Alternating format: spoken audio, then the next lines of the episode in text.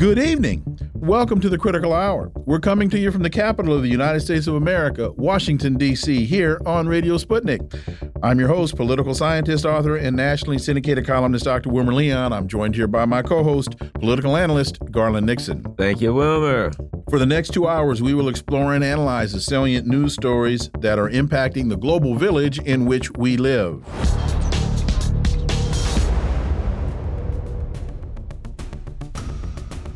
John Jeter has a great piece in Black Agenda Report entitled The Soviet Union's Support for Black Liberation Earns Russia Grace with Africans Everywhere.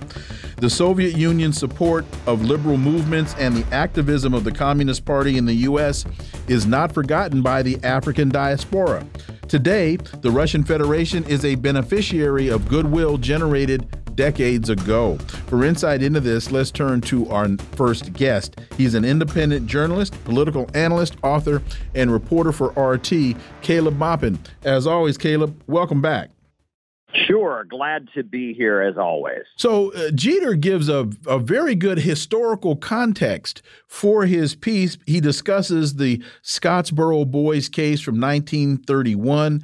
Uh, at the time, the Communist Party in, in the U.S. was actively scouring the country for a narrative that improved upon their didactic pamphlets, glib sloganeering, and nationwide chain of newspapers that were popular but fell short of activating a proletarian uprising. And then he goes on, following the formulation of the Soviet Union, Lenin envisioned an international workers' uprising and recognized that African independence movements would, by necessity, have to play a vanguard role in any such movement if it was to be successful. Your thoughts, Caleb Maupin? Well, there's a lot there. Um, you know, one of the first things that the Bolsheviks did after they took power is they convened the Conference of the Peoples of the East, uh, where they assembled all kinds of leaders from Africa, from Asia, from from you know from different parts of the world, and they said, "We support you. Anyone who will fight the British Empire, anyone who will fight the uh, the U.S. imperialists, uh, we're on your side." And uh, I believe one of the first countries that established diplomatic relations and was friendly with the Bolsheviks was Afghanistan. That at the time was ruled by a guy, you know, that they called the Emir of Afghanistan. He was certainly not a communist by any means, but he was fighting the British, and the British were the colonizer, and he was fighting them. And Lenin said, "We're on your side."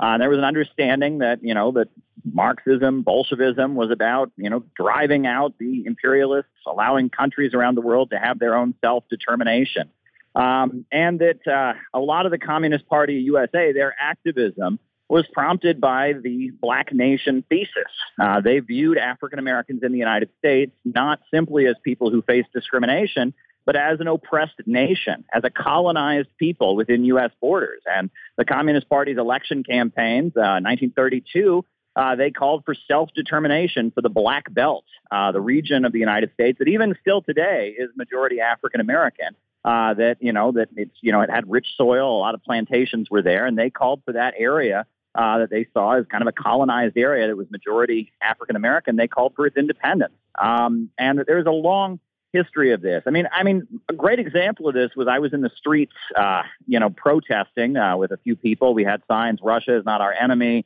Uh, we had some American flags and some Russian flags, and we're here in the New York City. We're in Union Square. A lot of people were giving us thumbs up, and the people giving us thumbs up were Africans from Africa, uh, people who you know live in New York City but are are of African descent, maybe work at the United Nations a number of people from, from Ghana, Nigeria, other African countries were giving us thumbs up. There's still widespread love and admiration for Russia on the African continent. Um, and I saw this when I was in Russia. I mean, I've been, I went to the World Conference of Parliamentarians. I also attended the Yalta Economic Forum. Um, and if you look at what Russia has done and the partnership that Russian state run uh, companies in the mining sector uh, and in the natural gas and energy sector, sector, the partnerships they have with, uh, with companies on the African continent, state-run companies that are that are trying to bring development to impoverished African countries. Africa, uh, on the African continent, there is widespread love for Russia, the Soviet Union, and its alliance. It's, I mean, you know, I mean, uh, look at the map of Southern Africa. I mean, every single one of those countries. Uh, if you look at, the, you know, the, the bottom there, I mean, South Africa, Nelson Mandela was backed by the Soviet Union. The U.S. government called him a terrorist. Um, Mozambique, uh, Zimbabwe. I mean, country after country, right? Uh, you, you look at you look at what went on. Uh, I mean, it was clearly the Soviet Union that was on the side, Angola uh, on the side of these countries against Western imperialism, against colonization, uh, and the record of the Soviet Union and standing with them was was massive. And the Soviet Union, as you pointed out, reading from the article, they were on the side of black people in America. They were calling out Jim Crow segregation uh, long before Dr. Martin Luther King Jr. became a household name. So, yeah, I mean, this is an important thing to point out. And I guess the reason it's important to point it out now is we now have this narrative uh, that's widely promoted that somehow, you know, Russia is fascist or Russia is white supremacist or something like that. This is part of the Russiagate hysteria that's coming from liberals now. And they want to erase all of this history. Uh, and by doing so, they're they're really you know you know undermining the the real true history of the American civil rights movement, which was that the Communist Party and the Soviet Union were kind of key in making it happen. Well, and you know, we, we see now uh, that the, the positions in Africa that uh, uh, on the Ukraine conflict is viewed through the um, the context of history. I've been recently watching on YouTube uh, Julius Malema, who's the guy that runs the EFF party, the left party in um, South Africa. And he's very clear. When he talks about this, he talks about history. And it's clear to me that the Africans, you know, Americans are trying to say this started on February of 2022. And the Africans look at it and their history of century, centuries of colonial and imperialist abuse, that's how they see it. And and they see basically, if I'm listening to Malema and others, they see a hero fighting against their oppressor. That's the way it sounds to me. Caleb. Sure. I mean, and again, there is such a long history of this. Uh, there was one moment in American television during the 1980s where they had a representative, a sympathizer with the Soviet Union, I think it was some kind of Soviet diplomat, appeared on television, uh, and he was baited by the American uh, host. He said, "You, you in the Soviet Union, you say you want peace, but we all know that you're sending guns to Nelson Mandela. You're sending guns to the African National Congress uh, in South Africa. If you want peace, why are you sending guns?"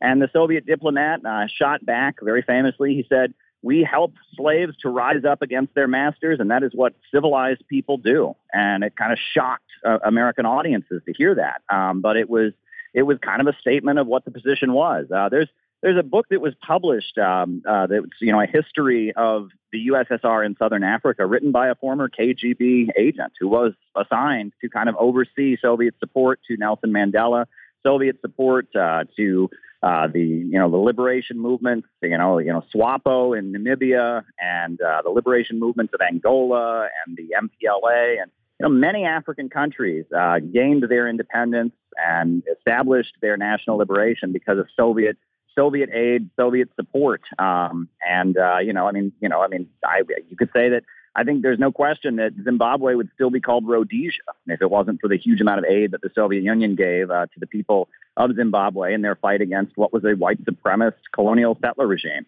I think the book you're referring to is uh, the Hot Cold War: The USSR in Southern Africa.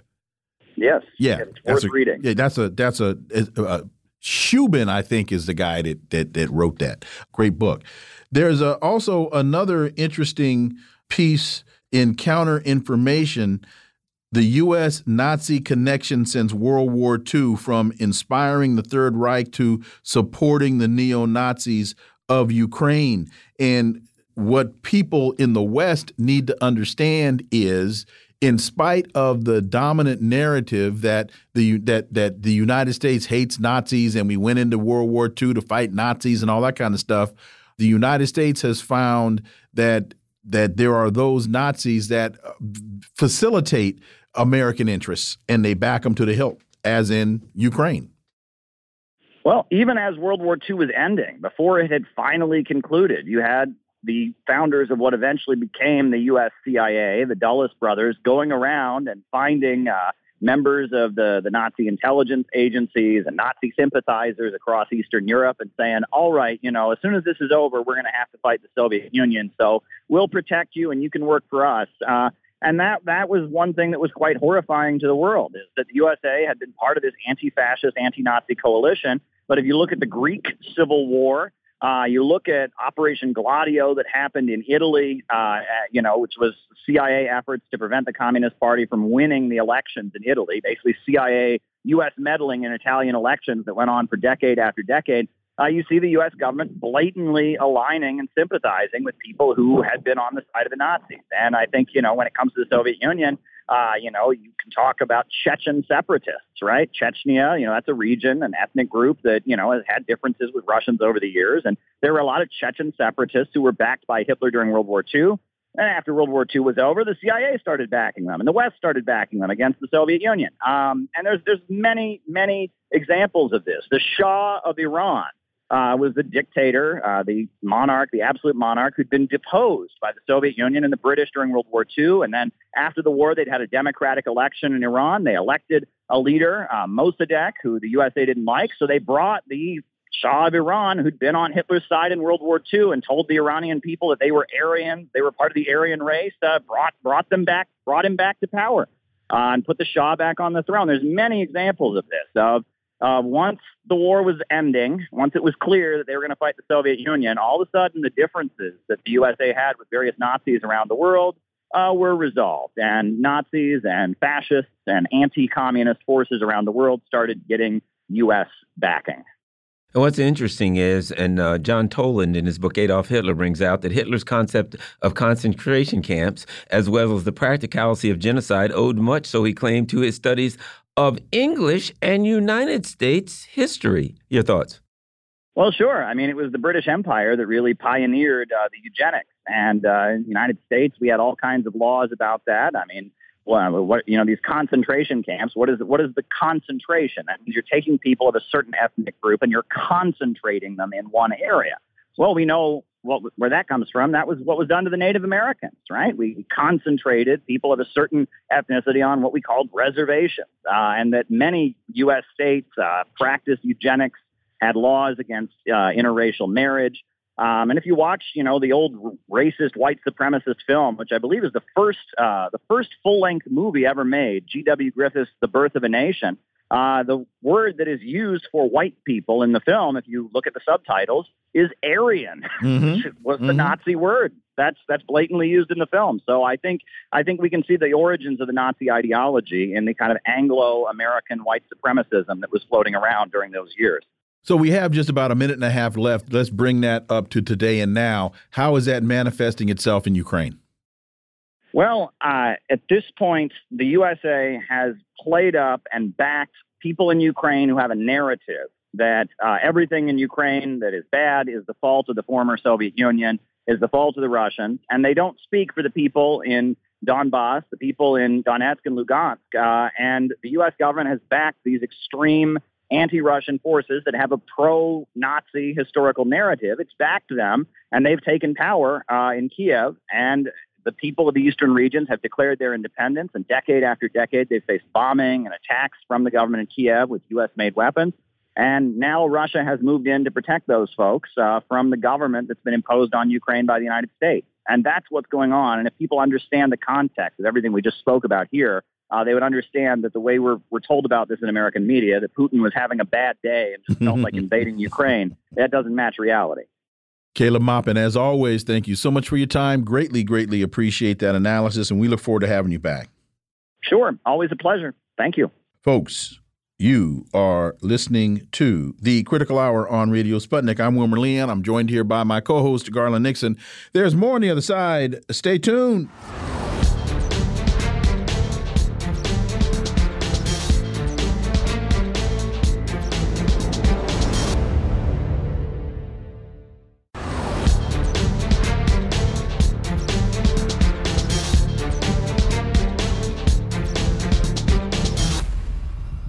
We are back, and you're listening to the Critical Hour on Radio Sputnik. I'm Wilmer Leon, joined here by my co host, Garland Nixon. Thank you, Wilmer. The Libertarian Institute writes American Russian military aircraft increasingly in dangerous situations over Syria. The Kremlin has issued a series of complaints in the past week that American military aircraft were operating in areas used by civilian airliners. Oleg Gurinov, deputy chief of the Russian Center for Reconciliation of the opposing party, says the American warplanes create a dangerous situation for civilian aircraft. For insight into this, we turn to our next guest. He's a Moscow based international relations and security analyst, Mark Sleboda. as always, Mark. Welcome back. Dr. Leon Garland, thanks for having me. It's always an honor and a pleasure to be on the critical hour. Additionally, Moscow says American forces stationed at the Al Tanf garrison, a U.S. military base on the Iraq Syria border, have used air defenses, further endangering civilian planes. Moreover, the coalition's forces carried out exercises involving the use of air defense systems in the Al Tanf area, Gurinov said, adding uh, the weapons posed a danger to all aircraft.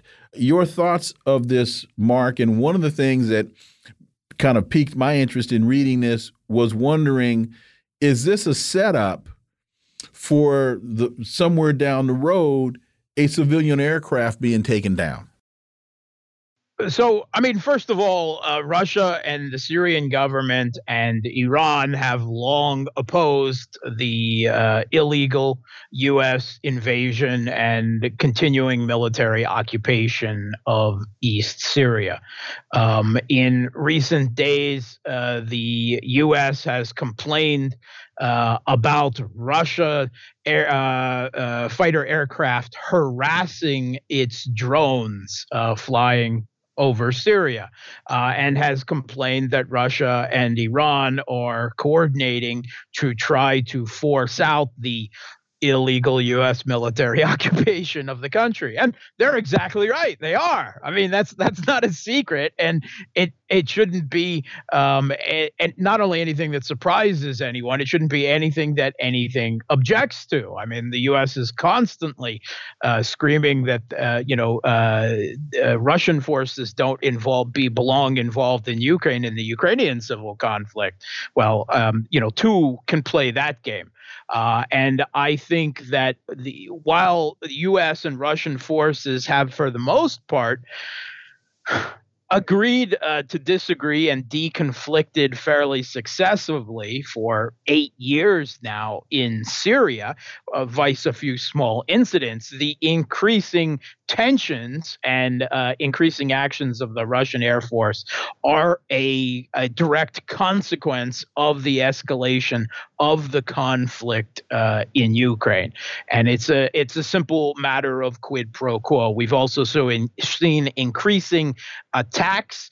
Uh, by Syrian rebels against U.S. Uh, occupation military bases, uh, and uh, their their Kurdish proxies uh, in East Syria, and uh, I think it, it, it is very likely that you can draw a small, a very large degree of correlation between the U.S. Uh, arming the Kiev regime in Ukraine and the amount of weapons that are finding their hands into Syrian rebels, uh, Arab tribes in East Syria who are opposed to the U.S. Uh, military occupation.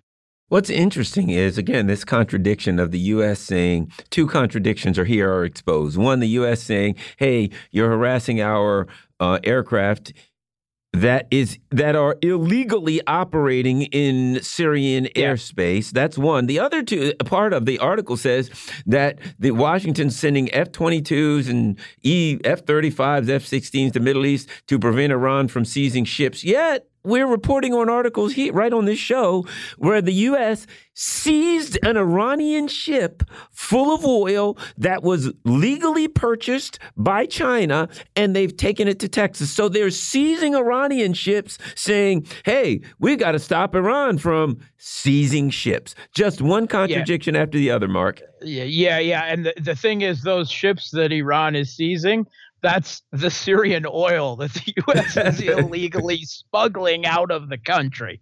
That's that's the illegal oil that Iran is seizing. So um, yeah, it, it definitely comes through. My big question is is is that why is Russia harassing these U.S. drones over Syria? If they're drones, why aren't they shooting them down?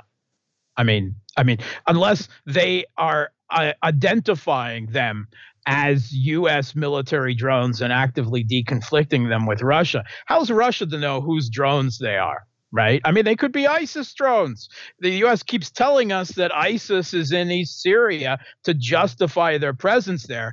Amazingly, the only place that ISIS is still active in Syria is where the U.S. military occupation has been for eight, uh, you know, uh, you know, uh, uh, close to eight years now, uh, seven, six years. Uh, but um, th that's that's uh, quite a coincidence to me. Why do you think that Russia isn't shooting the drones down?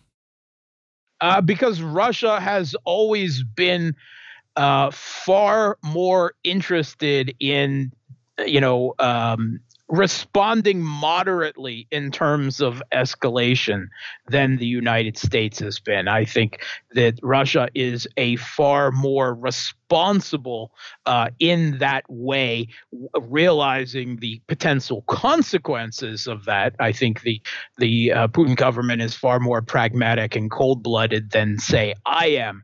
But I also think at a certain point um, a a uh, that lack of desire is continually taken advantage of by the U.S. and they only read that as weakness that they can exploit.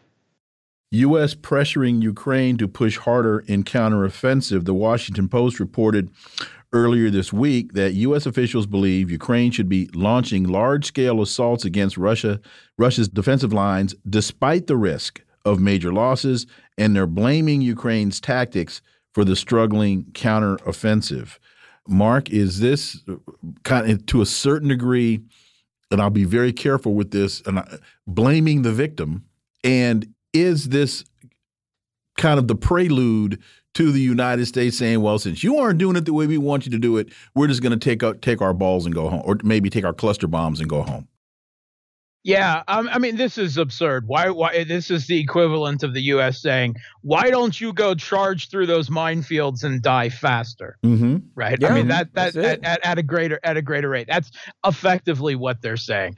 Uh, there's actually been some pushback on uh, the from the Kiev regime's top general Zaluzhny uh, over this. He said, you know, the U.S is very disparaging of what it calls Soviet style war of attrition, a reliance on artillery and fires from a distance to soften your opponent before then moving in. Because the US doesn't have a lot of artillery. That's not the way they operate.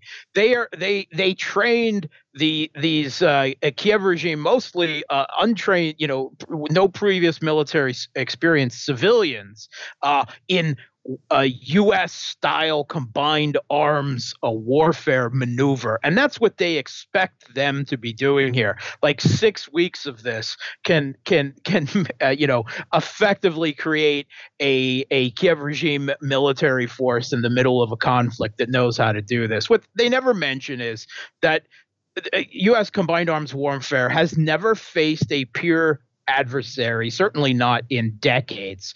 It has never done so without overwhelming air superiority, and it has never done so against a pure competitor with entrenched defenses, a 10 to 1 artillery advantage.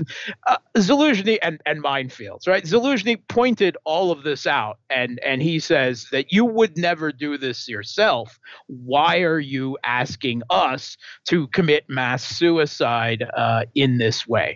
Um, I I don't know. I, I do not have a feeling that the U.S. is ever going to, uh, you know, give up this conflict. They may decrease the amount of military aid to the Kiev regime going into the future.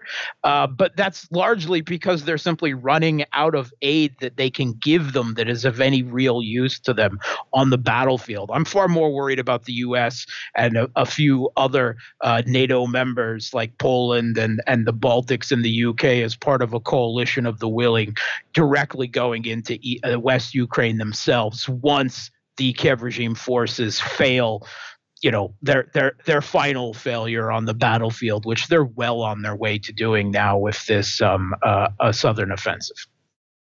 I framed the question in the context of blaming the victim. I was equating vassalage mm. as Ukraine as a vassal with being a victim. That's that was mm, why right. I put it that way. And and Z yeah. Zaluzhny just has to understand they really ain't into you, buddy.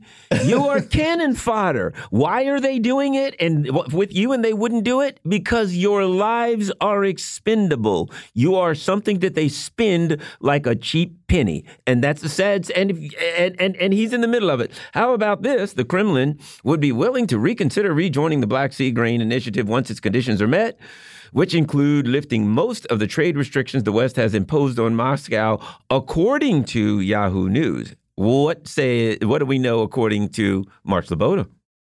I think this is more a diplomatic state um, uh, directed at countries in the developing world, coupled with Russia's promise to uh, make up for uh, any lack of Kiev regime grain that might actually be going towards them rather than Spanish pigs, and even offering the most impoverished countries grain free um, I don't think that there is any possibility of the West removing any sanctions on Russia. Politically, that's that's simply not even possible, and they don't actually give two flying figs uh, about the the you know people the famine uh, uh, risk people uh, in the developing world. They're certainly not going to remove these sanctions. Putin knows that, and right now, uh, in, in, the past three nights, uh, Russian missile and drone strikes have been pummeling the Kiev regime's ports in Odessa and Nikolai and elsewhere that have been used dual purpose, not only as part of the grain deal,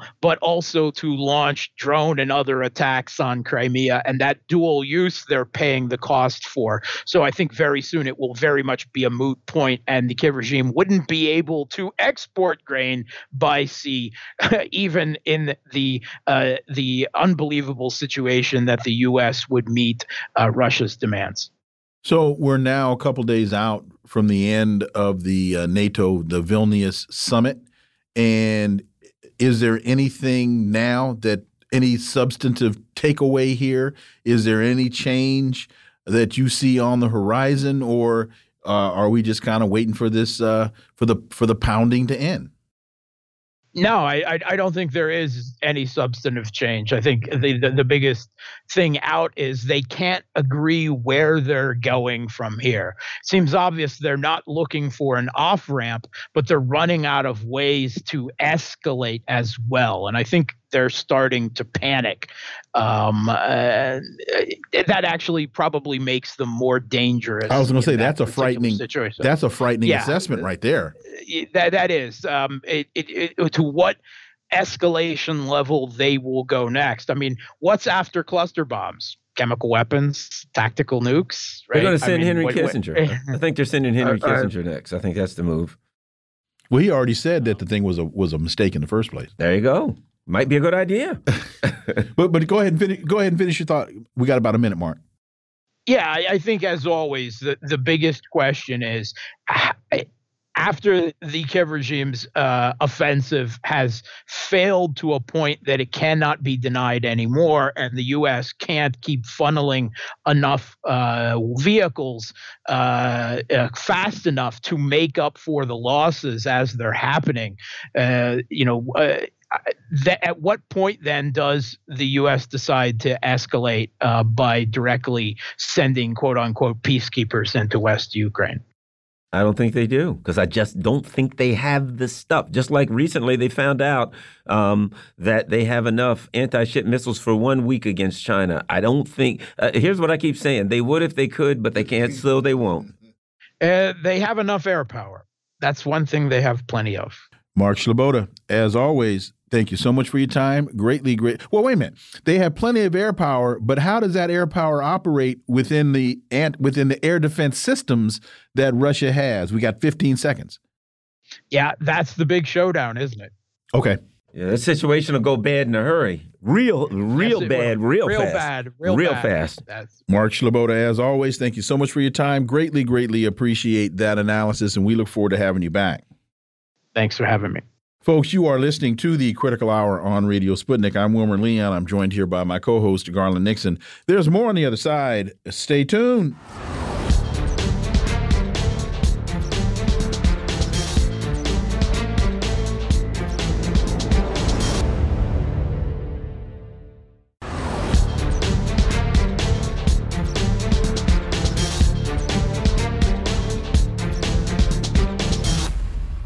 We are back, and you're listening to the Critical Hour on Radio Sputnik. I'm Wilmer Leon, joined here by my co host, Garland Nixon. Thank you, Wilmer. Biden's allegedly coerced Burisma CEO to pay them millions to help get Ukraine prosecutor fired. This is from an FBI form. The FD 1023 form was released today by Senator Chuck Grassley. Joe Biden and Hunter Biden allegedly coerced Burisma CEO uh, Mykola Zlochevsky to pay them millions of dollars in exchange for their help in getting the Ukrainian prosecutor investigating the company fired. This, uh, according to allegations contained in an unclassified FBI document released today by Senator Grassley. For insight into this, we turn to our next guest. Uh, he leads the Speaking Truth to Power section of Tell the Word, a publishing arm of the Ecumenical Church of the Savior in inner city Washington. Served as a CIA analyst for 27 years. And he, in January of 2003, co created Veteran Intelligence Professionals for Sanity. Ray McGovern. As always, Ray, welcome back. Thank you. So Grassley said he released a document which describes an alleged criminal bribery scheme involving then President Vice President Biden and a Ukrainian business executive so that the American people can, quote, read this document for themselves without the filter of politicians or bureaucrats. The document in question is an FBI generated FD 1023 form, which Grassley acquired via legally protected disclosures by Justice Department whistleblowers, according to the senator's office. What does all of this tell us, Ray McGovern? As you know, I look at this from the foreign affairs point of view, uh, and I'm thinking about Ukraine first and foremost. Uh, Biden is in quite a bind, so to speak. He and Sullivan, uh, only to a slightly less degree. Uh, they are demonstrably uh, guilty of fraud, and you can you name what other s- crimes, uh, which are now set down in FBI documents released by uh, Senator Grassley and others. Uh, what will this What will this mean? Well, it means that we have a big dog that might be wagged by this tail. In other words, you know, um, if Biden has personal incentive, namely to stay out of jail, and and Jacob Sullivan as well, uh, they can't lose in Ukraine. The problem is that they've already lost. So what will they do? Well, they have extra incentive to double down, to bring it all the way to tactical nukes. Now, would they do that? I hope not. But judging from what they've done so far with this escalation step by step, I wouldn't rule it out. And that scares me to death. What's interesting is you look at this and you find out. I mean, the it's glaring um, in this uh, 1023, this FBI form that was um, released by Congress, that basically they gave the guy gave up the goods. He said, "Hey, we were paying them very specifically." Hunter Biden was paid to stop these cases. And Joe Biden has already done a videotape confession where he said, I threatened him with a billion dollars. The case is there. Here's the part of it that I find of great interest. This happened back in 2018 and 2020. The FBI had this information for three to five years. And what did they do when they got this information?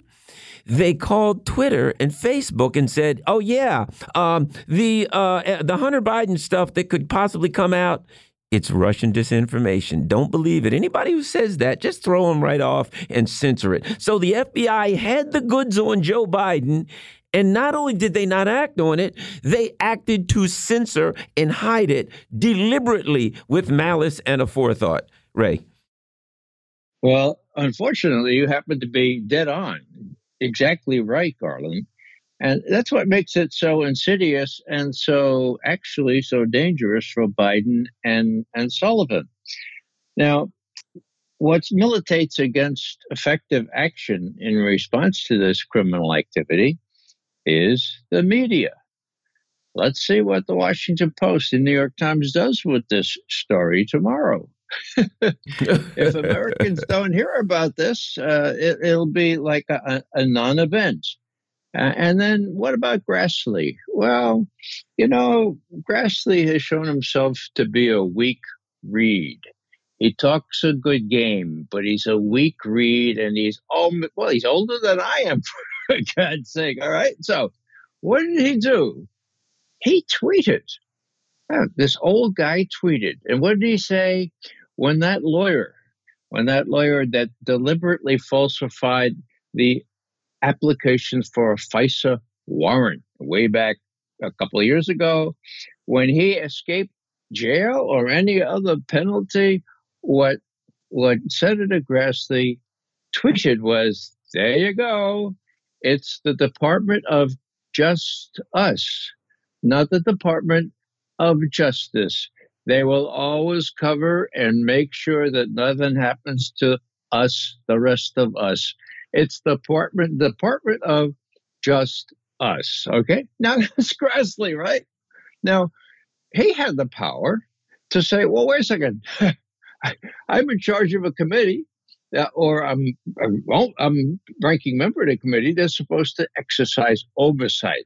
When a lawyer in the FBI falsifies a, a document like this, it's a felony. He will do at least a couple of months' time, for God's sake. Don't send them home. Did he say that? Did he do that? No. So I don't want to put a damper on any of the expectations as to whether Biden and Hunter and the rest of them will, will get their due.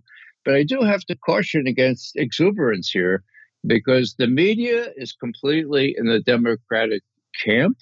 And uh, and so is so are many the many of the overseers that are supposed to watching this thing. They don't have the guts to follow through on it because, frankly, they're afraid of the deep state. I just this just came to mind when Garland said that uh, the FBI had the goods on Joe Biden and made me think, well, Joe Biden uh, had the goods on Clarence Thomas and didn't do anything with that either. But anyway, in the form, Zlochevsky says the source he has many text messages and recordings to show he was coerced to make the payments. And then he says that the contact with the source was telephonic. And that just takes me to the Hunter Biden laptop, which also has many text messages and other allegedly and other incriminating documents. So, looking at this just on the surface, their gooses should be cooked.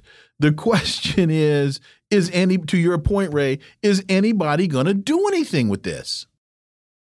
Well, that is the question. Uh, the the hearing at which uh, Robert Kennedy uh, Jr. appeared this morning was very telling in that respect.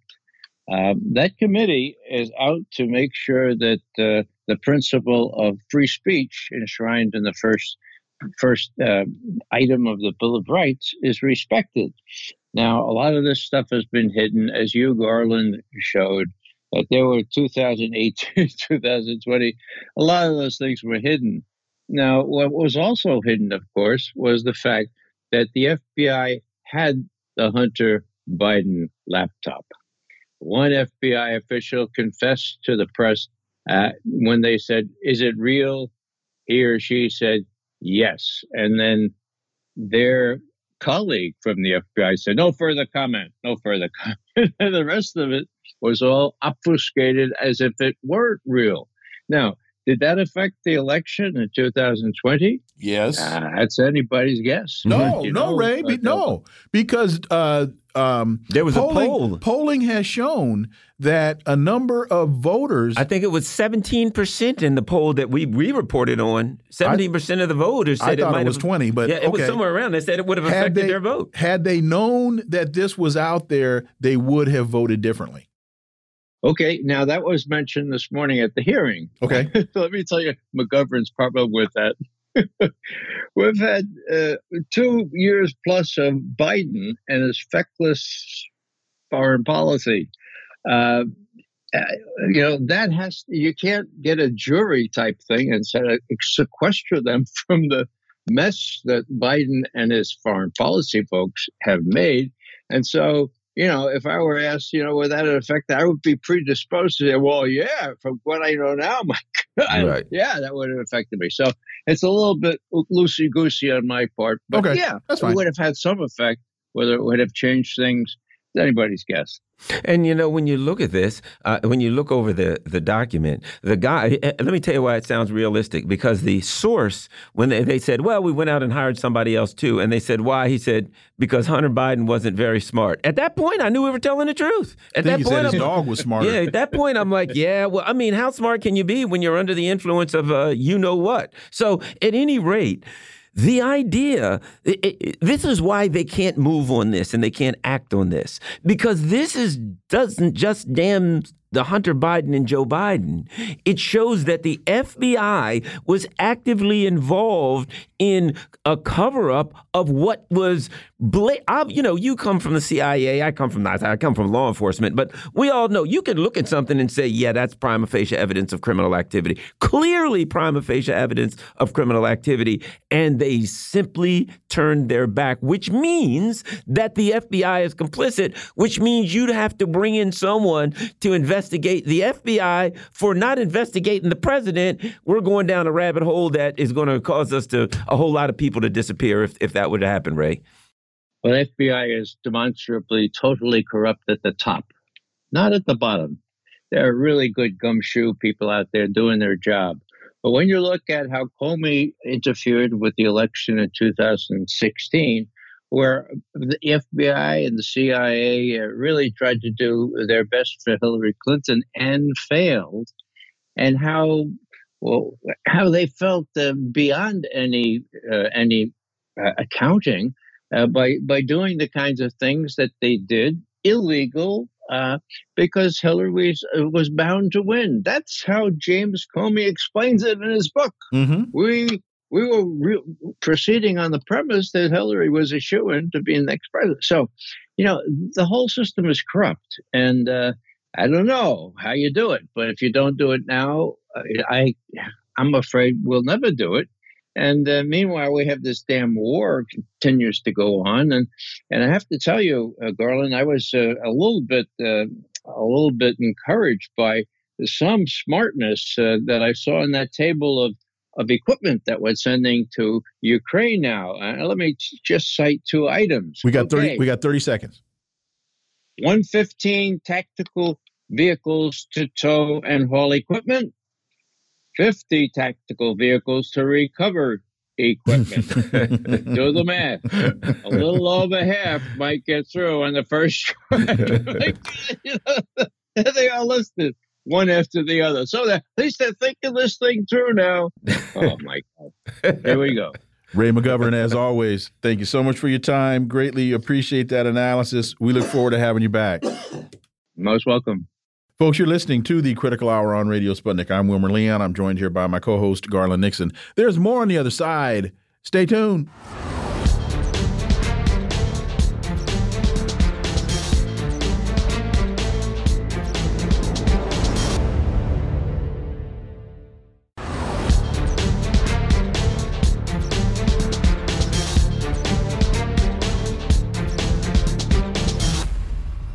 We are back, and you're listening to the Critical Hour on Radio Sputnik. I'm Wilmer Leon, joined here by my co host, Garland Nixon. Thank you, Wilmer. There's a very interesting piece in Black Agenda Report. Kagame and other stooges do U.S. bidding in Haiti. The U.S. is committed to invading Haiti, but it needs black so called leaders to give them cover. They pressured Caribbean nations to be the face of intervention and called on Rwanda's Paul Kagame to be the African diaspora frontman. This is a very solid analysis, and to discuss this, we're joined by the senior editor and senior columnist at Black Agenda Report, author of Prejudential Black America and the Presidents. And interestingly enough, she's the author of this piece. Margaret Kimberley, as always, welcome back. Thanks. It's good to be back. You write, it can be argued that Rwanda's President Kagame is the black head of state most useful to the U.S. and its allies. There are many human tools in their box, but Kagame is the most willing to act on behalf of the collective West. He can reliably be called upon to enthusiastically do the dirty work of the U.S. and Europe. When he arrived at the recent CARICOM summit, it was clear that a terrible plot was being hatched. Margaret, the only exception or pushback I will give you is I don't think it was being hatched when he arrived. I think it was hatched and he was the chicken that was sitting on the nest. Margaret. yes, that's a good description. Yes, um, I, uh, a couple of things. First, the Black Agenda report is giving special attention to Haiti this week. So uh, not only should your listeners always go to blackagendareport.com, but it's especially important now that there's this impending invasion. Uh, the president of Rwanda, Paul Kagame, is a servant to uh, Western interests. And I will give one example. He cut a deal about 10 years ago with Israel uh, to send uh, African refugees uh, to take them out of Israel and send them to Rwanda. And it was a secret, not secret. And several thousand people were kicked out of Israel and sent to Rwanda, which, having taken Israel's money, didn't provide them with housing, didn't uh, legalize their status, left them destitute, and so most of them ended up uh, leaving. But uh, uh this uh, uh, corruption seemed appealing to the United Kingdom. So the UK, and the only difference was this was open and very public, paid Rwanda $180 million to take in asylum seekers, to take refugees. Now, fortunately, courts in Britain have held uh, up this uh, this plan, uh, but it's uh, so it has not happened yet. But it's the kind of thing that Kagame always does.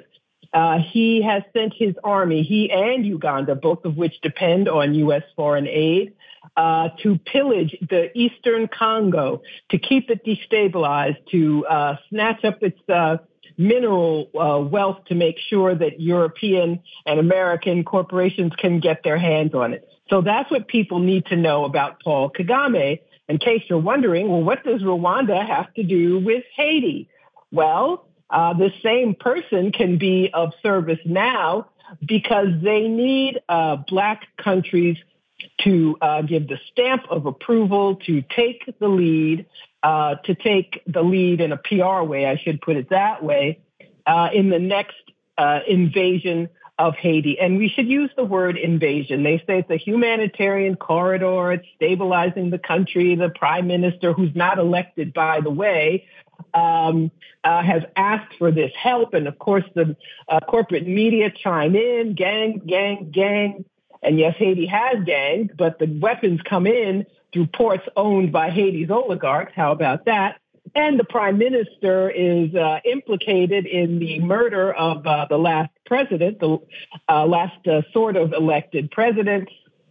So they want to shore up uh, this corrupt uh, regime that acts in service of what's called the core group, the US, the EU, Canada, France, the UN. The UN plays a terrible role in Haiti in controlling this country. They've been trying for months to get uh, Caribbean nations to be the face of the next invasion and say this is something that's important. Now, they've put enough pressure on them that CARICOM, the uh, uh, Caribbean uh, Union of Caribbean Nations, has uh, signed on to the next um, invasion. But Kagame shows up and um, as you point out, uh, uh, Antony Blinken made sure he was involved. Also, Kenya, the president of Kenya says they're going to quote unquote help Haiti. None of this helps Haiti.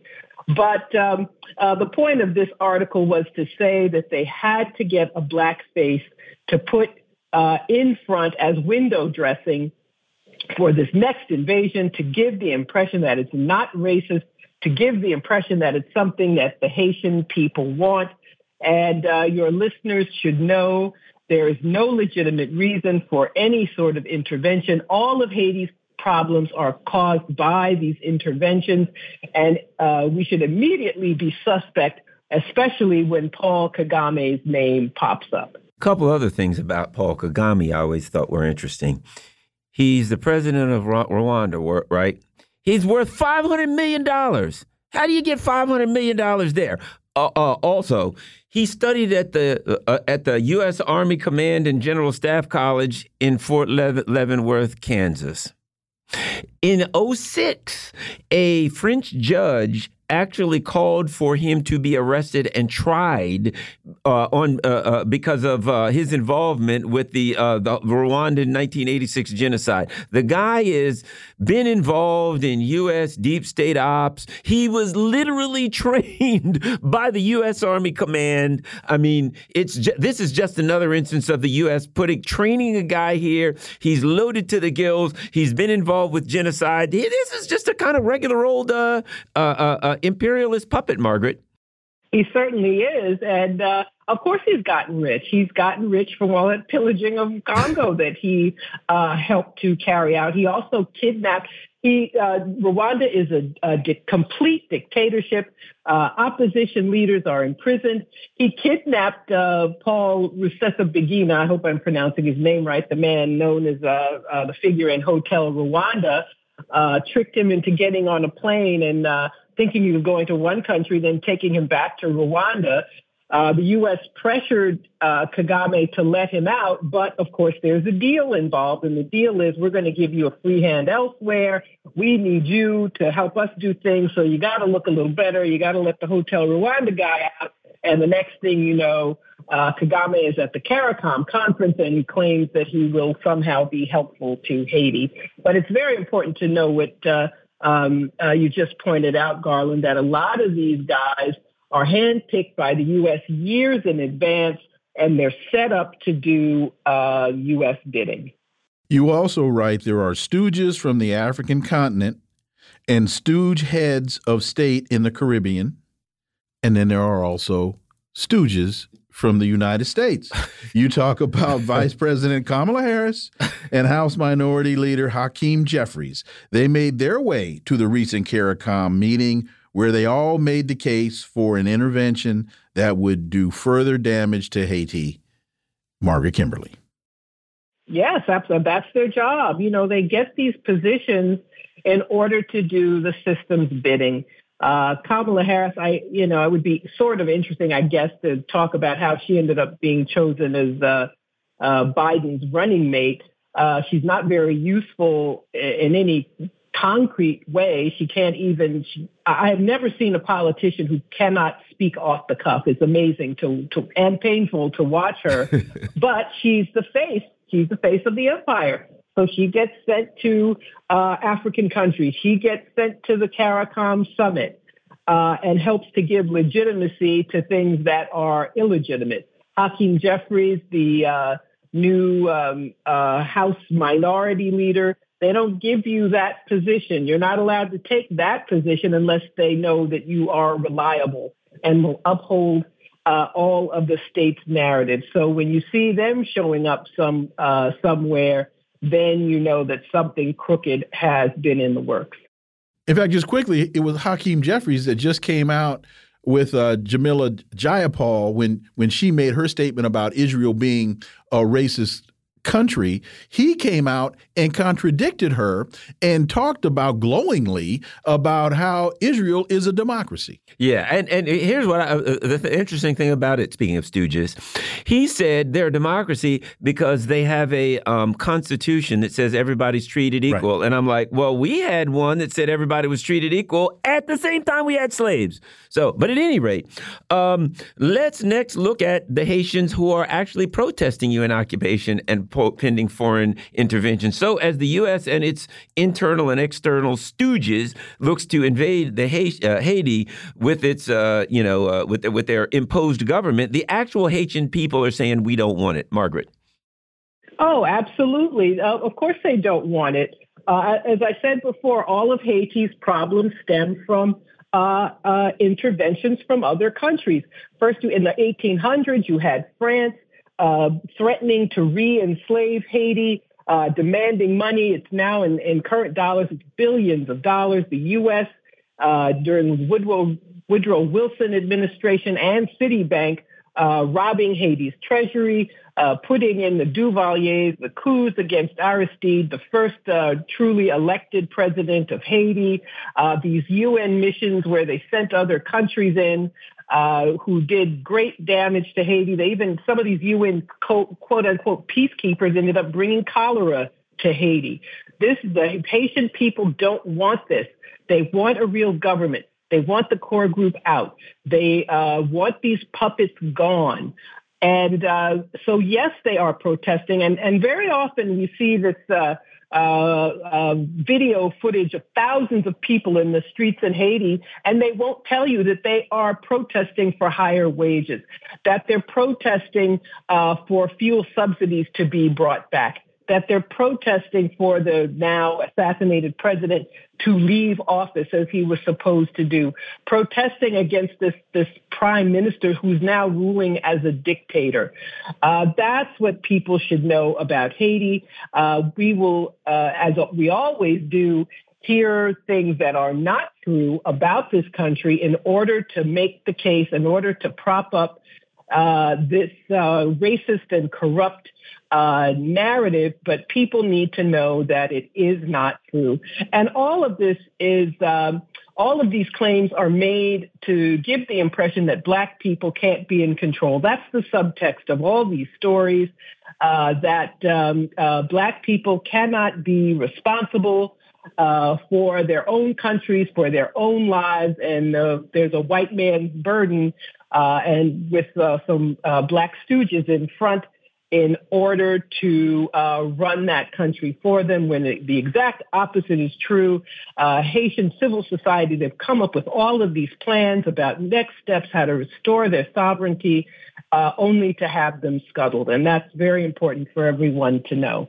And we have just about a minute and a half left, and you mentioned these narratives, and Orinoco Tribune has a piece from ICC to quote unquote sports washing. West's self serving narratives must be combated. And this gets to uh, this gets to your point, uh, Margaret Kimberley. Yeah, um, it's a, a, great article which points out the uh, you know this this phony ICC arrest warrant of Vladimir Putin. Uh, there has not been a single arrest warrant from the International Criminal Court of any European or U.S. leader, despite the invasions of Iraq and Afghanistan, the destruction of Libya, the attempt to destroy Syria despite what are war crimes uh, by any uh, measure, have never been prosecuted against Western European leaders or U.S. leaders. And this uh, this uh, crazy arrest warrant against uh, Putin is uh, just another effort to try to diminish um, uh, the uh, the whole narrative that uh, Russia is the evil country and the collective West are uh, the good guys, and they do it with sports. They say you can't politicize uh, sports. Um, uh, but if uh, uh, Palestinians say that um, uh, they don't want to pe- play against Israel, then they are penalized. So um, there's lots of there's sports washing. There's all kinds of washing. I guess washing is a, a a good word to use for this blatant propaganda. Margaret Kimberley, as always, thank you so much for your time. Greatly appreciate that analysis. Phenomenal piece at Black Agenda Report, and we look forward to having you back. Thank you so much. Folks, you're listening to the Critical Hour on Radio Sputnik. I'm Wilmer Leon. I'm joined here by my co host, Garland Nixon. There's another hour on the other side. Stay tuned.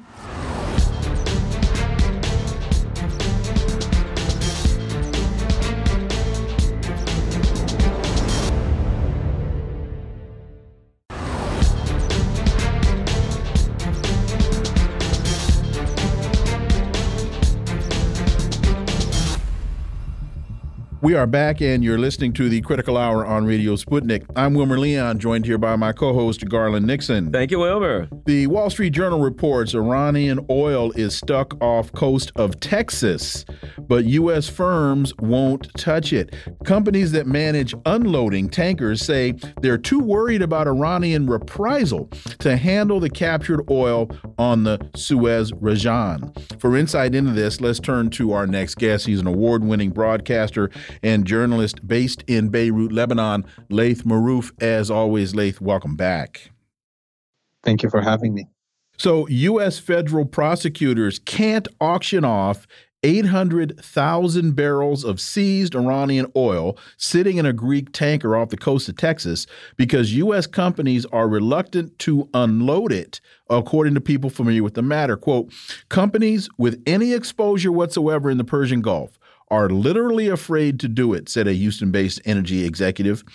That the Iranians would take retribution against them. The executive said that several of the companies contacted about unloading the oil declined. And Laith, this all ties right into in 2019, Donald Trump got castigated because he said that the U.S. military presence in Syria is only for the oil, his words, contradicting his own officials who insisted that the remaining forces were there to fight ISIS. Laith Marouf. Well, definitely the United States uh, right now is back to its original history of uh, being a bunch of bandits and pirates that made into a country.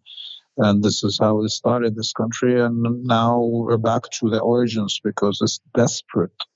Um, but as we see, Iran has been retaliating every time the United States does such action, and for uh, the last few weeks have, uh, you know, years also, as you have mentioned, uh, token control of tankers that had smuggled oil uh, in the region and uh, took hold of them. And the United States, before we hear heard the story, of course, of the companies refusing to unload the uh, stolen Iranian oil in Texas, uh, last week increased its presence in the uh, Gulf, or specifically at the Hormuz Strait, with more F-16s and um, A-10s, and as well as more uh, ships on supposedly to protect the region. But what we know is clear is because the United States wants to show these companies that it can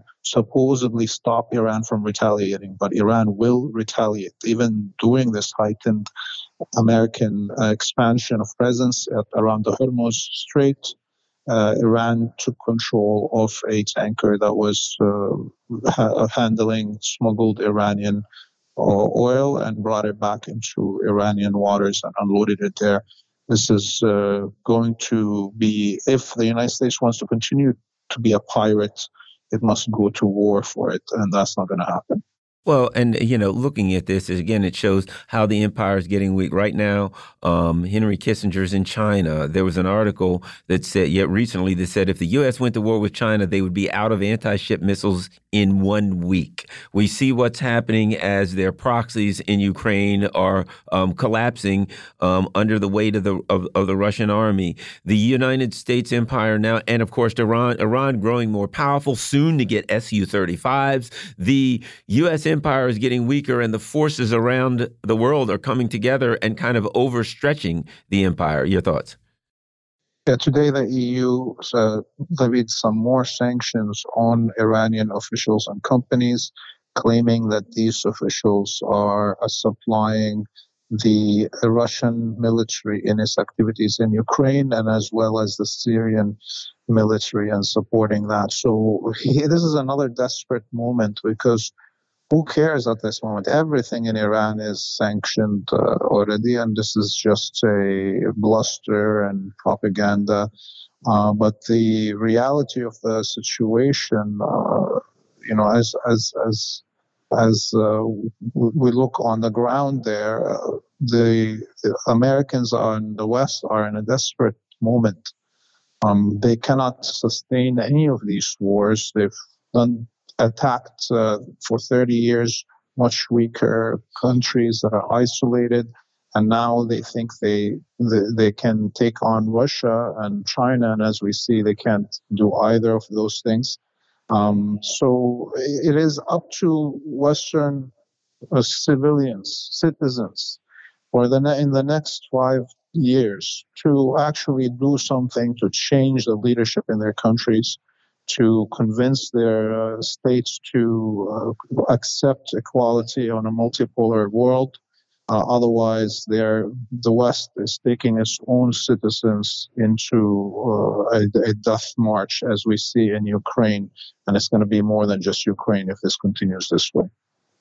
Moving next door to to Iran is Iraq, and talking about problems in the region. This is from Al Mayadeen English. Protesters set Swedish embassy in Iraq on fire ahead of Quran burning. It remains unknown whether the building was empty at the time of the attack, as Iraq's foreign ministry condemned setting the building on fire and called on security forces to identify the protesters. It's been confirmed that Sweden's embassy in Iraq has been set on fire by, by protesters uh, today, ahead of a planned burning of the Quran in Sweden. Your thoughts, Laith Marouf? Yes, this was, uh, you know, because the last time a, somebody desecrated the Quran in Sweden was an Iraqi, uh, you know, uh, Mossad agent is Christian, and the Christian uh, churches in Iraq condemned his action.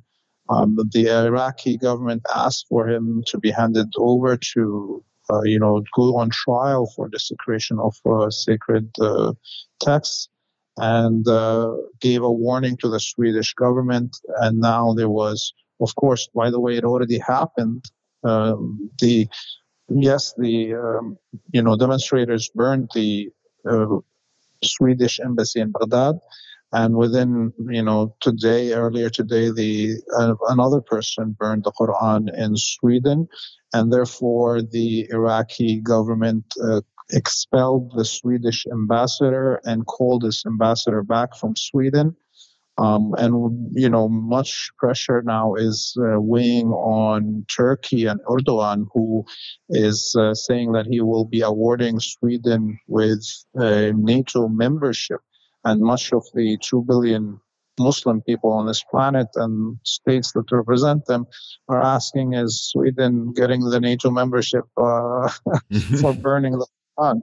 And uh, how is uh, Erdogan and with his Muslim Brotherhood, uh, you know, propaganda going to handle that?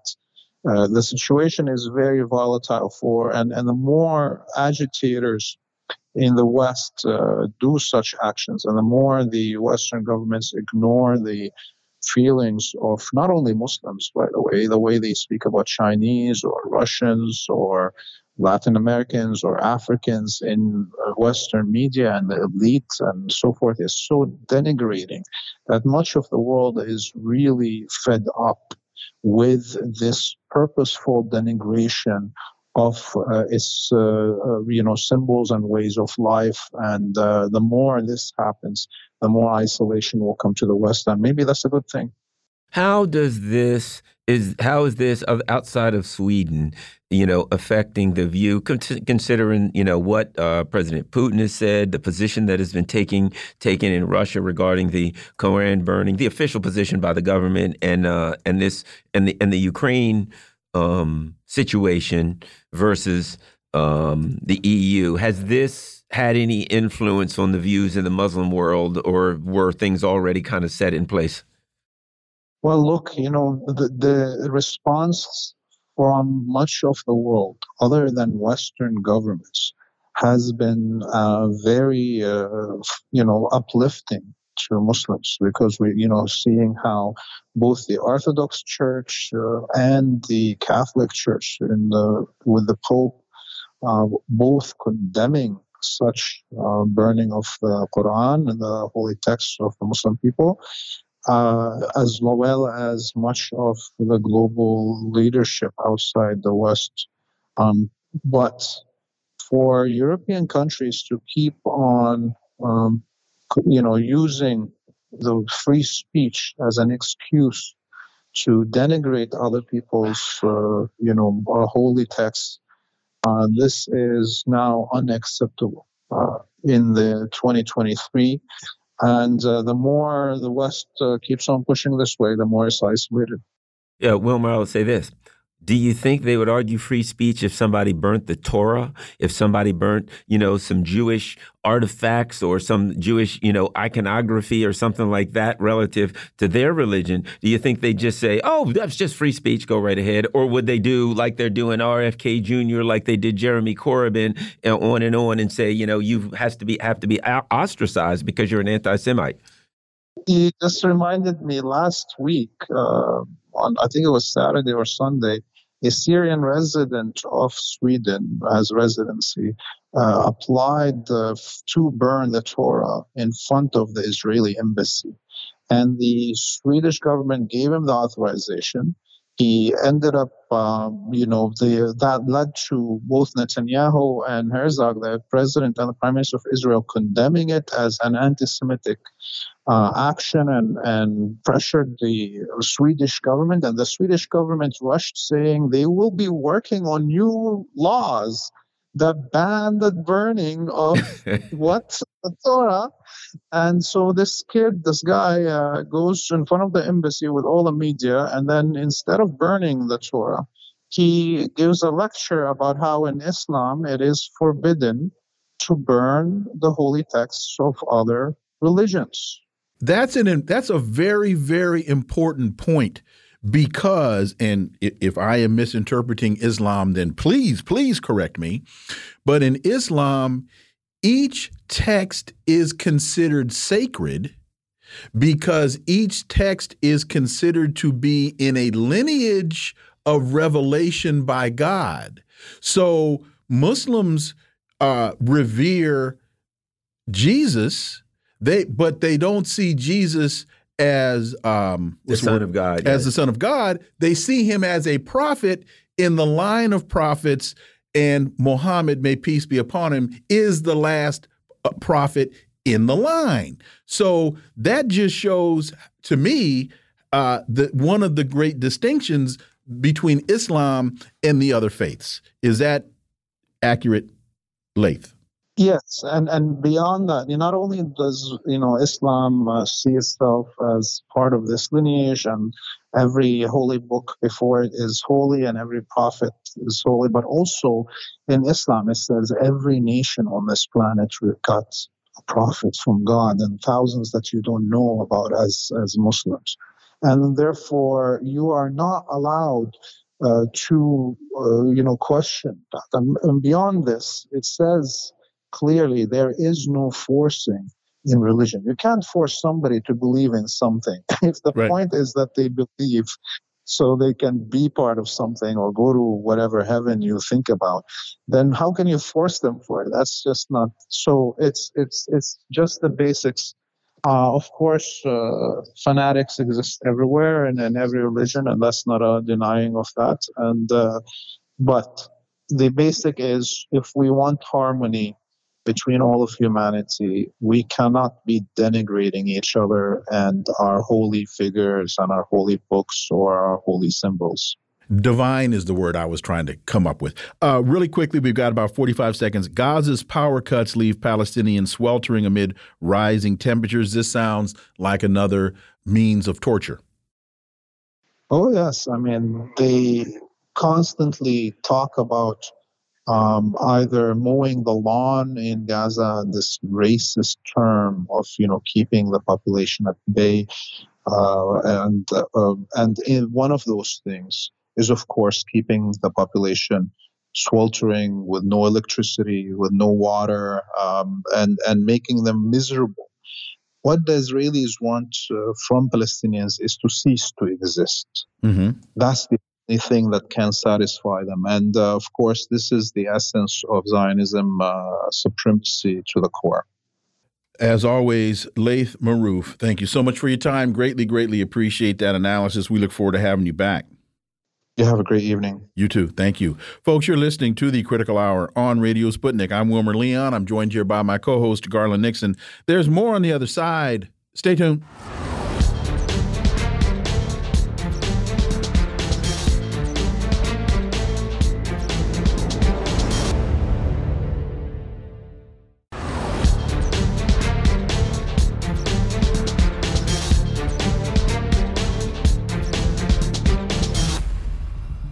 We are back, and you're listening to the Critical Hour on Radio Sputnik. I'm Wilmer Leon, joined here by my co host, Garland Nixon. Thank you, Wilmer. Orinoco Tribune reports Peru. Polls show more than 80% disapprove of Boluarte.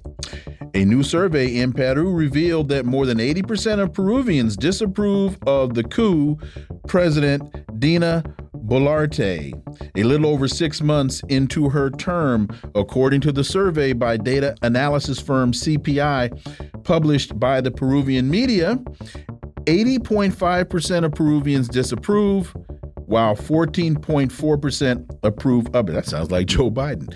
Um, for insight into this, we turn to our next guest. She's the co editor of Popular Resistance, Dr. Margaret Flowers. As always, Margaret, welcome back. Thank you. It's great to be with you both. So, in the capital, Lima, the disapproval against her is 68.7%, while in the interior of the country, it's 87.4. Dr. Flowers, they're not happy in Peru. Well, the majority of the people aren't happy, right? I mean, and the reason there's a difference between the urban and the rural areas is that her base of support is really with the very Elite. wealthy class, Mm-hmm. exactly, and uh, the very right wing. And the rest of the country has literally been protesting since December 7th when they ousted the democratically elected Pedro Castillo president and put in the de facto president, Dina Boluarte, and her administration's response to those protests has been severe repression, violence, kidnapping, disappearances, and now the U.S. is sending its military to help them out with suppressing the population. So no wonder the majority of people are opposed to her.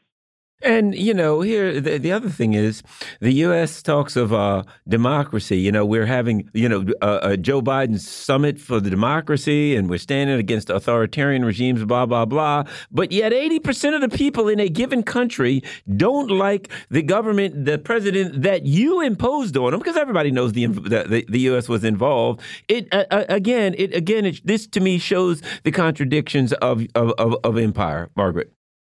Oh, well, absolutely. I mean, I can't think of a country where the U.S. has installed a leader and the public has overwhelmingly supported it. We know that human rights, quote unquote, freedom and democracy are all uh, words that the United States government uses to try to fool people into thinking it's doing something good. But we know that the U.S. weaponizes these.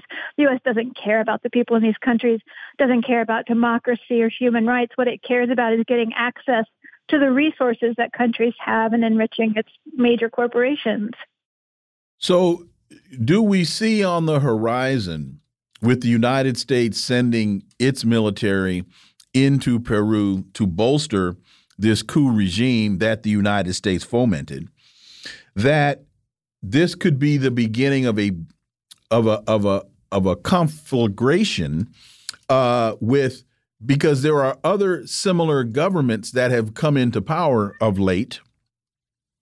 And so, uh, whereas earlier, you know, the United, what the United States said went, you know, if we said it, you had to do it.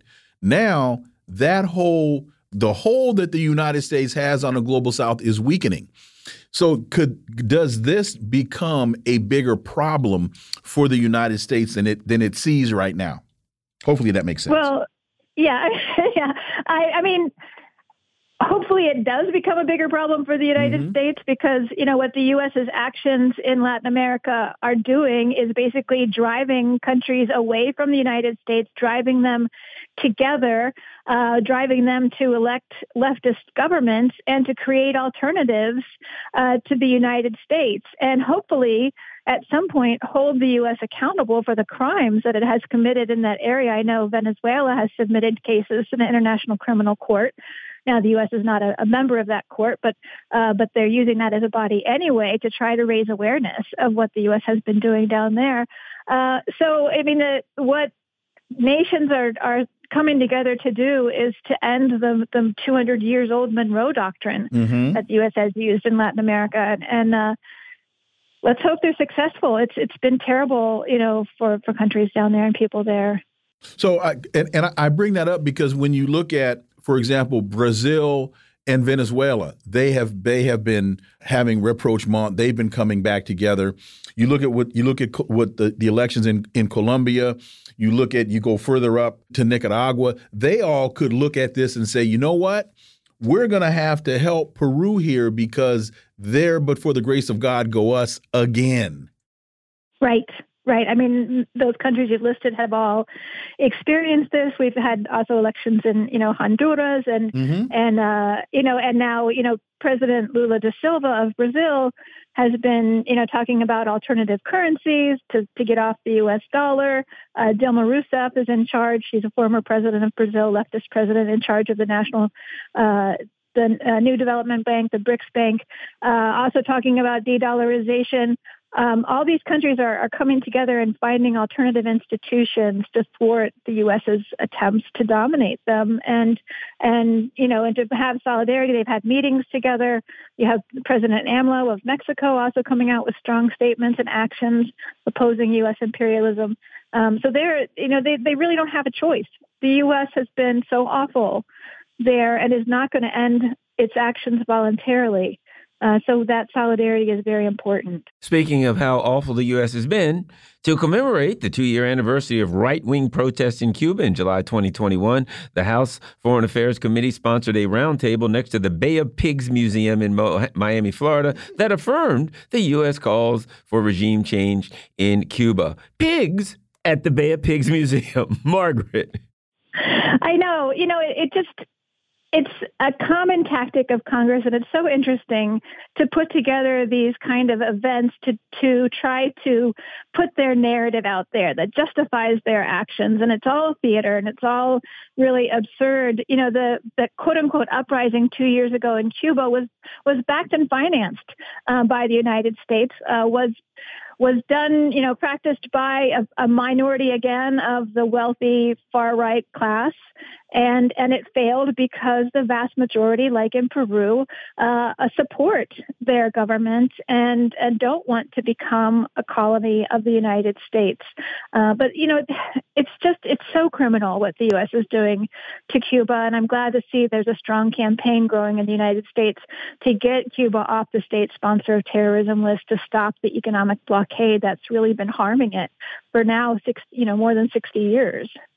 So when you look at uh, Batista, who um, Castro overthrew, and and and you understand the type of government that Batista was running, House Foreign Affairs Committee Chairman Michael McCaul said that the peaceful protests designed to take back the island from communist tyranny met with unspeakable brutality at the hands of an oppressive government that is an increasing threat to U.S. national security because of its growing relationship with China. Well, to your point about the sanctions against Cuba, the embargo against Cuba, the decimation of its economy, what has happened, the, the, the pressure that the United States has put on the Cuban people. Well, that to me sounds like the oppressive government. that sounds to me like the like the tyrannical regime, not uh, not the Castros and and not the not the individuals that have replaced the Castros. But here's the question with all of that rambling. Here's the question. If the United States today were successful in overthrowing the current government in Cuba, who would replace it? Or would there be another? Oh, you know what? Juan Guaido. Didn't think about that. Who? Because a power vacuum would be created as has been created in Libya, as has been created in Iraq, as has been created in so many of the other places where the United States has gone in and intervened, we create these power vacuums and we don't plan for the what's next. So I'm just wondering what in the heck would happen in Cuba if if America got what it wished for. Be careful what you wish for because you might get it. Well, you know, I don't think that the U.S. will succeed in getting oh, what, it, what, it, wishes for. Uh, what one of the things that the U.S. has done in the past with you know situations like this is they've flown in, you know, the the uh, the U.S. favorite person who's been living in the U.S. for decades, and they put them in and they install them as the leader of the country. So that's that's Juan not Guaido for that to happen. Exactly, a, a Juan Guaido type of person who was you know trained in in Washington D.C. and you know and, and wouldn't exist without the oh, support of you know, no, Washington no. D.C. It'll be Elliott Abrams. He'll be the next president you know, of Cuba. Elliott Abrams. Cuba has such a strong democratic structure. It's not just the top leadership; it's a very bottom-up type of democratic structure in Cuba. So, you know, there's no way I don't think that the U.S. Oh, no, and, and so that and so that's that's my that's really the basis of my question. They don't have a plan. They don't have a plan. They don't have a plan. They, they, what would you do, America, if you in fact got what you're wishing for? You, well, they could pull a Haiti. They could say, you know what? There's chaos and turmoil in Cuba. We need to send the troops in to quote unquote stabilize it. You know. Uh, well, popularresistance.org, a fantastic website, I might add, that Wonderful. I highly recommend. Wonderful website. Has an article, There Can Be No Justice Until Capitalism is Removed from the Earth. Gee, you're sounding like Martin Luther King there. Your thoughts, Margaret Flowers.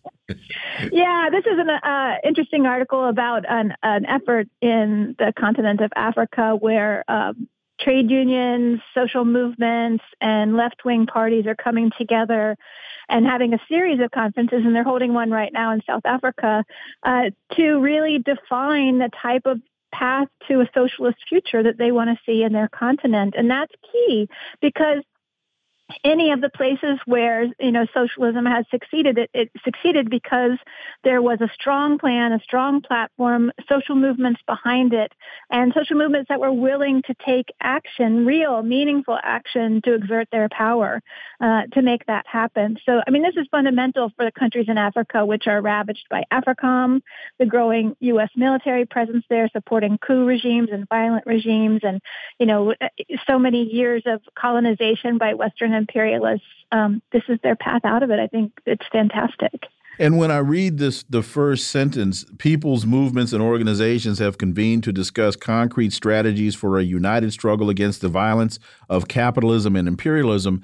We have two minutes. That just immediately brought to mind Haiti.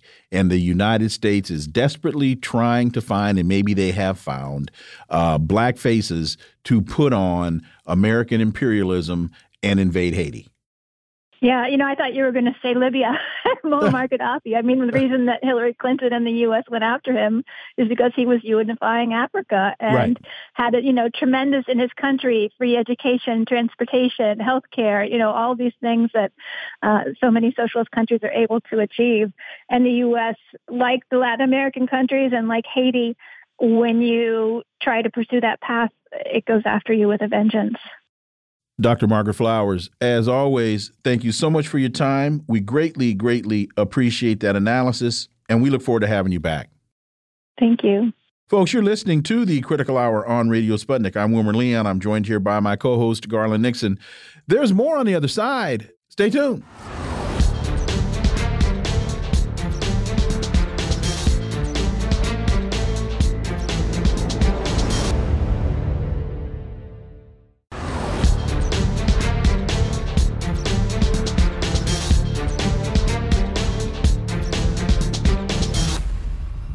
We are back, and you're listening to the Critical Hour on Radio Sputnik. I'm Wilmer Leon, joined here by my co host, Garland Nixon. Thank you, Wilmer. TASS reports Russia's Putin to participate online in all BRICS summit sessions.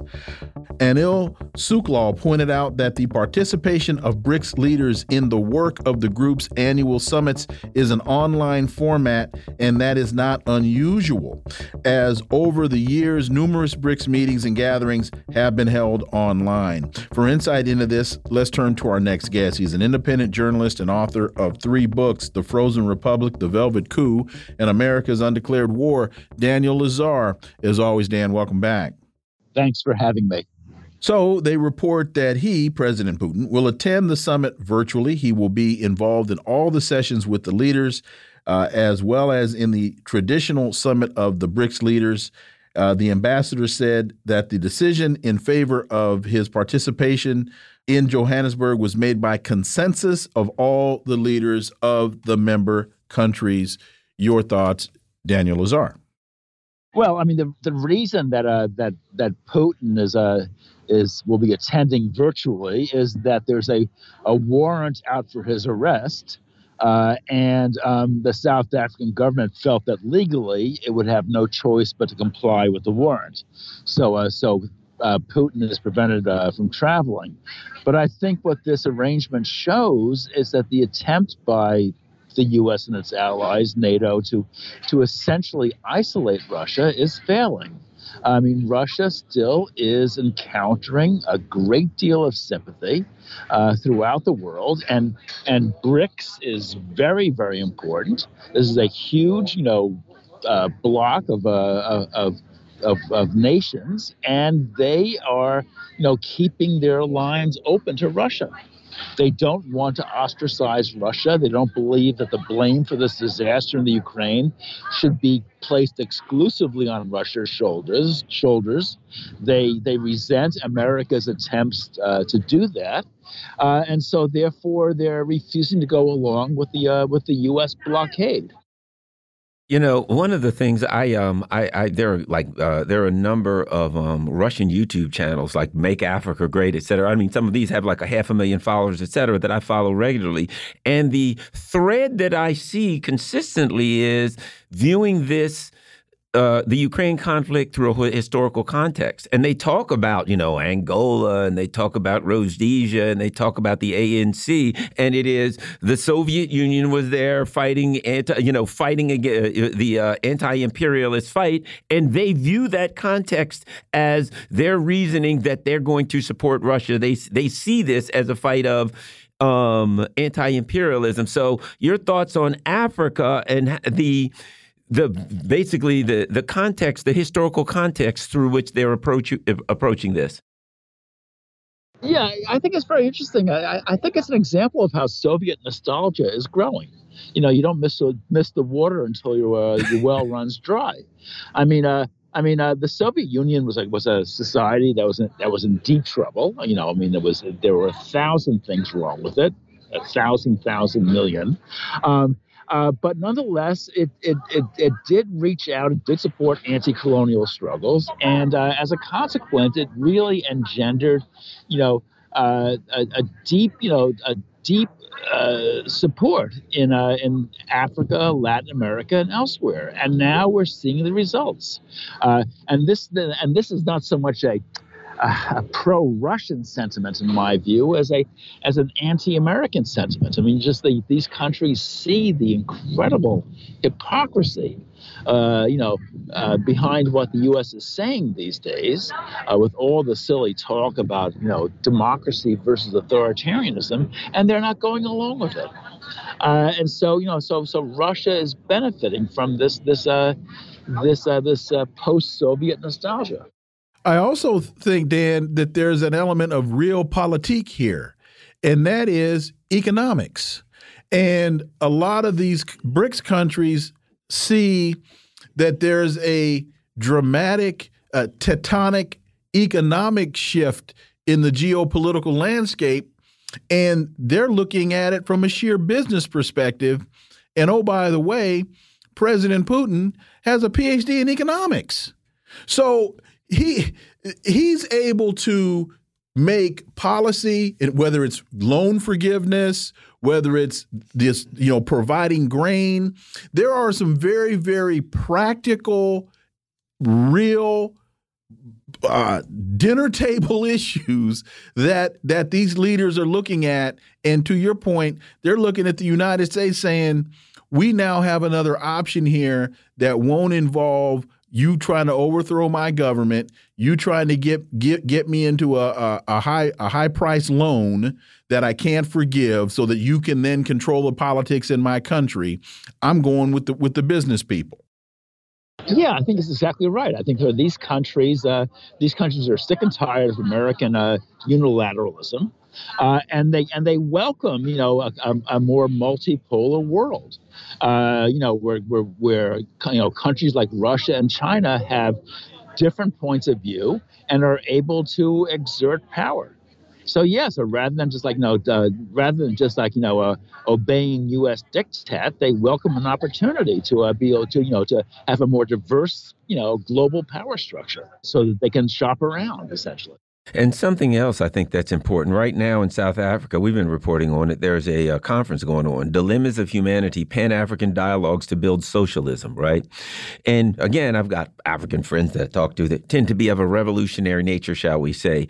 And the other discussion, there's a discussion that's being had uh, amongst the revolutionary elements in Africa, and that is the belief that, you know, the United States was violently suppressing them for many, many years, and that now Russia does not violently suppress uh, uh, so, uh, the left, and China, you know, actively supports it. And so there are a lot of socialist and leftist um, groups in Africa that feel like in a newer world order that they'll have a chance to express themselves. They'll have a chance to actually make their case to the local populations. Socialism works for you, and then the so the, the, they believe that the local populations will will choose that. But the bottom line is they see that maybe there's a chance that we'll be able to actually state our cases, and they're starting to work on that. What are your thoughts?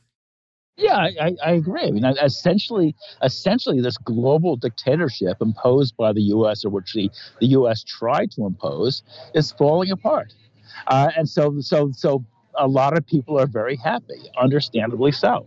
Uh, they don't want the U.S. telling them what to do. They want more space, more leeway, more national independence, and they're and they believe they're getting it uh, as a more multipolar global structure emerges. So, so yeah. Uh, you know, this. I mean, I mean, I and Biden is pushing this kind of unilateralism to the breaking point, but it's not working. Uh, I mean, the you know, the, the, there was a real you know there was real euphoria in Vilnius uh, last week because you know NATO seems to be holding together for the moment, but uh, the uh, the offensive is going really badly in the Ukraine. Uh, uh, Biden is facing a disaster, uh, and um, and this, there's a growing sense around the world that the NATO-U.S. bubble is about to pop. And you know, you, with you mentioning that, that just made me think about we've heard when and we've seen over history when a when an administration is in trouble, they start a war uh, as a way of galvanizing uh, the country uh, under a sense of nationalism. And so winning a war is a good political move, but losing a war can be a, can be catastrophic. And so, and we and if you remember, uh, it, President Obama infamously said Joe Biden has a way of effing things up. And so, go ahead. Yeah, but I mean, Biden already lost one war in Afghanistan. of course, that wasn't entirely his fault. But the fact is that the uh, is that the uh, the the collapse took place on his watch, and now he's facing a big a big problem. I mean, I can't tell you how bad things are in the Ukraine. Uh, these uh, these Russian minefields are amazing, and uh, and and and uh, the, the, Ukrainians are taking, you know, really serious punishment, which is slowing the uh, the offensive to a crawl. So if the offensive collapses, and I think I think it will, uh, it's going to be, you know, it's going to spell, you know, uh, it's going to mean big trouble for for Zelensky and Kiev, but equally for uh, Joe Biden in Washington.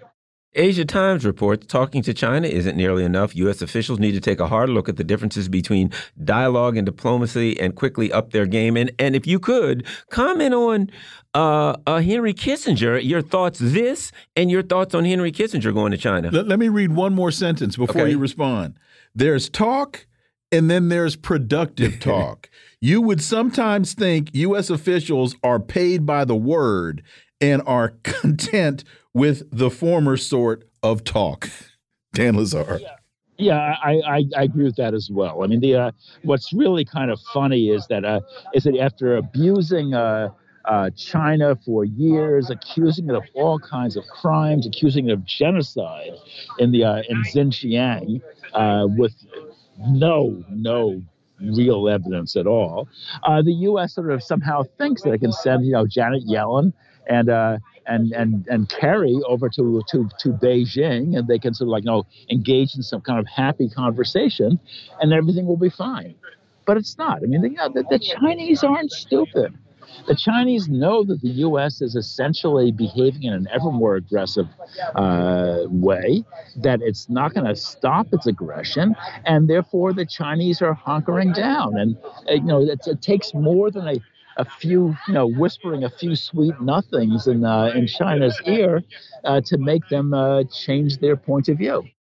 And to Garland's point, what about the fact now that the White House made a call to the bullpen, or maybe some are saying that it was Barack Obama that actually made the call to the bullpen and and has brought in uh, Hen Henry, a, ve a, veteran, shall we say, a veteran pitcher, uh, Manuel. Uh, uh, anyway, Venezuela. Yeah, Manuel Kissinger. yeah, so so Henry Kissinger is now on the mound yeah, well, it's really it's really amazing when Henry Kissinger is the voice of moderation and uh, and reason. Uh, but yeah, but, but but Kissinger in uh, in in recent years has essentially emerged as a voice of a a voice for pragmatic accommodation uh, as opposed to confrontation, and the uh, the Chinese appreciate that. So at age hundred, you know, uh, Henry Kissinger, you know, was was you know has been flown to China, given a an audience with the foreign minister, and it's it's it's very interesting. But, but the Chinese uh, uh, appreciate his more pragmatic point of view.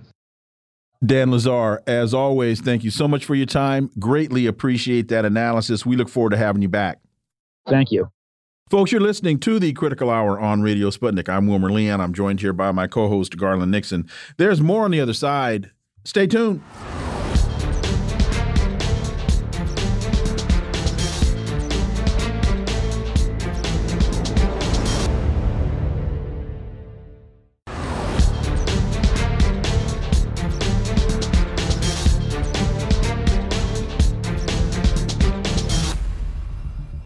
We are back, and you're listening to the Critical Hour on Radio Sputnik. I'm Wilmer Leon, joined here by my co host, Garland Nixon. Thank you, Wilmer. The Global Times reports Wang meets Kissinger as Kerry wraps up China visit. Beijing delivers clear message to Washington. When visiting, U.S. climate envoy John Kerry wrapped up his four day visit to China yesterday. China's senior diplomat Wang Yi met with the centenarian former U.S. Secretary of State Kissinger, an old friend of the Chinese People who has made historic contributions to the ice-breaking development in China-U.S. relations. During the meeting held in Beijing, Wang Yi called on the U.S. government to change its current China policy, which is now characterized as containment and suppression. For insight into this, let's turn to our next guest. He holds the John J. and Rebecca Moores Chair of History and African American Studies at the University of Houston. He's one of the most prolific writers of our time. His latest book is entitled Revolting Capital, Racism and Radicalism in Washington, D.C., 1900 to 2000. Dr. Gerald Horne, as always, sir, welcome back. Thank you for inviting me. So, the Chinese official, Wang Yi, also expressed hope that U.S. China policy will have Kissinger style wisdom and Nixon style political courage which was seen by experts as a clear message Beijing delivered to Washington, given that U.S. China policy, under the toxic environment of its domestic politics, has deviated from a rational and sound track, creating growing obstacles for the bilateral relations. Dr. Horne, usually the Chinese are subtle, if not cryptic, in their public statements and readouts. Here, they are very direct and clear, but Blinken et al. seem to be oblivious to the realities that are staring them right in the face. And I don't know how much longer China's going to keep saying, you know, now I done told you to stop messing with me, or you're going to make me slap the taste out your mouth. Dr. Gerald Horne. Well, it's a real crisis. Uh, we should not underestimate it it's a crisis reflecting the fact that when Mr. Kissinger worked his magic 50 years ago, there was a confluence of interests between Washington and Beijing, both focused on the mutual presumed antagonists in the then Soviet Union. But now the tables have turned. It makes no sense, quite frankly, for China to turn on Russia. That would only bring China closer to being the sole target of the lancing of U.S. imperialism. And the crisis is reflected also in the fact that U.S. imperialism has become heavily dependent upon China, not only in terms of the treasury bills, that is to say, the People's Bank of China uh, lending the U.S. government money up to the point of amounting to a trillion dollars or more, although it takes seriously the idea that China might slowly and methodically be liquidating its U.S. paper, but it's also the fact that U.S. industrialists and financiers are heavily dependent upon the Chinese market. A witness the fact that Bill Gates of Microsoft was meeting with President Xi Jinping just a few weeks ago before Mr. Kissinger's visit. Uh, Tim Cook of Apple, Apple's ascension to being a multi trillion dollar corporation is inseparable from the fact that it has manufacturing facilities in a large market in China. Although, keep a close eye on Apple's attempt to diversify its manufacturing facilities into the new kid on the block, speaking of India, uh, Elon Musk, the loose tongued billionaire of Tesla fame. Some of his major manufacturing facilities are in the People's Republic of China, and you note that despite his repetitive indiscretions, he has had little to say about China, despite the fact that he's had ample opportunity to do so. Jamie Dimon of JP Morgan Chase, one of the most influential banks in the United States of America, has also made his way into China, and not to mention uh, Hong Kong. And the question really now is whether these industrialists will have to take a haircut. That is to say, will they have to sacrifice some of their financial interests in the pursuit of this new Cold War and therein pay close attention to this bipartisan congressional committee focused not on China, but in their words, the Chinese Communist Party, uh, which is basically been ringing alarm bells about the rise of China because let's face it, uh, the rise of China perhaps uh, brings down the curtain on a half millennium of North Atlantic hegemony, uh, first, at least uh, with the United States succeeding uh, London uh, in that regard, post 1945, if not post 1880. And that is a very profound and significant event, which helps to underscore what this bipartisan committee is doing. Now, in the crosshairs, believe it or not, is the University of California at Berkeley, which during the halcyon days of cooperation between China and the United States established uh, all manner of cooperation uh, between the two giants across the Pacific. But now this congressional committee is investigating UC Berkeley. And of course, we know that the Republicans on that committee, they see universities, professors, not to mention the San Francisco Bay Area, as mortal enemies. And so keep a close eye on that as well. So this is a crisis that will not go away easily, despite the ministrations of Mr. Kissinger, who was trying to save his signature policy of, of half century ago, which brought China and the United States closer together, and also might have prepared the way, interestingly enough, for the ascension to China as being the big kid on the block. So, whose interests are on the other side of the fight? You mentioned the industrialists, you mentioned Apple, Tesla, Microsoft. So, they're there because of the industrial concerns. So, who's who's Biden fronting for on the other side of the fight? In terms of U.S. domestic, in terms of U.S. foreign policy, who's the other side of the fight? Well, as you know, there's a split uh, in the U.S. ruling class. Uh, that is to say that you have uh, financiers like George Soros, who is more than willing to launch a new Cold War against China. He has been a major funder of the Democratic Party and of liberalism and neoliberalism generally. And I think it's fair to say that those members of the U.S. ruling class who are heavily involved in finance are quite worried about the ascension of the People's Republic of China, quite worried about the growing role of the People's Bank of China because they think it may lead to a clipping of their own wings. Which brings us to the next article. Um, uh, the U.S. reckless arming of Taiwan as Washington follows the neocon Wolfowitz doctrine in East Asia. John Wall says U.S. provocations must stop. And that's, again, uh, per aligns perfectly with the first article because while um, uh, uh, uh, Kissinger is over there talking nicely, as you said, the uh, Congress, etc. They're trying to still pump weapons into uh, uh, into the well, I would not say the border, actually into China. Your thoughts? Well, just a footnote on the previous question, I should have mentioned the question of currency.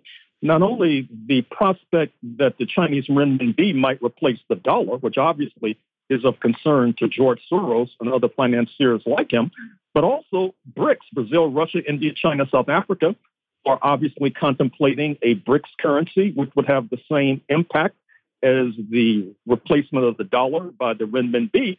And so that also needs to be factored in. Now, with regard to your question, Garland, it's apparent that U.S. imperialism has a major crisis when it comes to Southeast Asia.